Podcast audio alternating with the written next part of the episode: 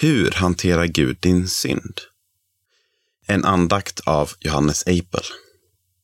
Inte heller jag dömer dig. Gå och synda nu inte mer. Johannes evangeliet 8, vers 11. Vi lever i en brusten värld. Det tar inte så lång tid att inse. Det finns lögner, mord, bedrägeri, sjukdomar och till och med pandemier. Vi gör dessutom ganska ofta grejer vi inte är stolta över, eller som vi skäms för. Har Gud något att säga om detta? I Bibeln berättas om en kvinna som hade blivit gripen av skriftlärda och fariseer som var väldigt kunniga i Gamla testamentet för att hon hade varit otrogen mot sin man. Inför allt folk på tempelplatsen förde de fram kvinnan till Jesus för att pröva honom. Det utgick från lagen i femte Moseboken 22.22 22, där det står att den som begår äktenskapsbrott ska dödas. Men fokuset var inte på kvinnan. Fokuset var på Jesus. Han som de inte trodde var Guds son. Skulle han agera enligt lagen eller skulle han visa henne nåd?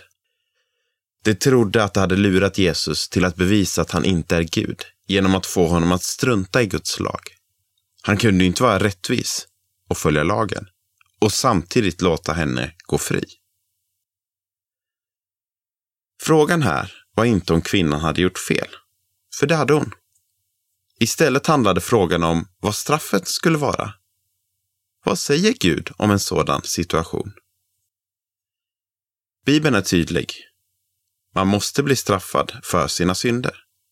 Det tyckte Mose, det tyckte fariseerna och det tycker Gud. Men hur ska Jesus hantera denna synd? Hur kommer han hantera din och min synd? Jesus sa till fariseerna att endast en syndfri kan straffa en syndig människa. Jesus var den enda den dagen, och någonsin, som var syndfri. Vad var hans respons då? Valde han att straffa henne? Nej, istället tog han hennes straff på sig. Genom att själv ta syndens straff var han rättvis, så att synden fick sitt straff, samtidigt som han var nådefull och kärleksfull. Min synd, din synd och denna kvinnans synd måste straffas. Det skedde den dagen på Golgata, där Jesus stod på korset.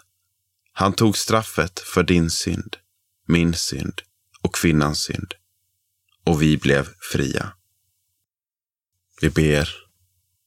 Förlåt Jesus för att jag gör fel och syndar. Tack Jesus för att du tog mina synder på dig på Golgata så att jag kan gå fläckfri. Hjälp mig att inte synda mer. I Jesu namn. Amen.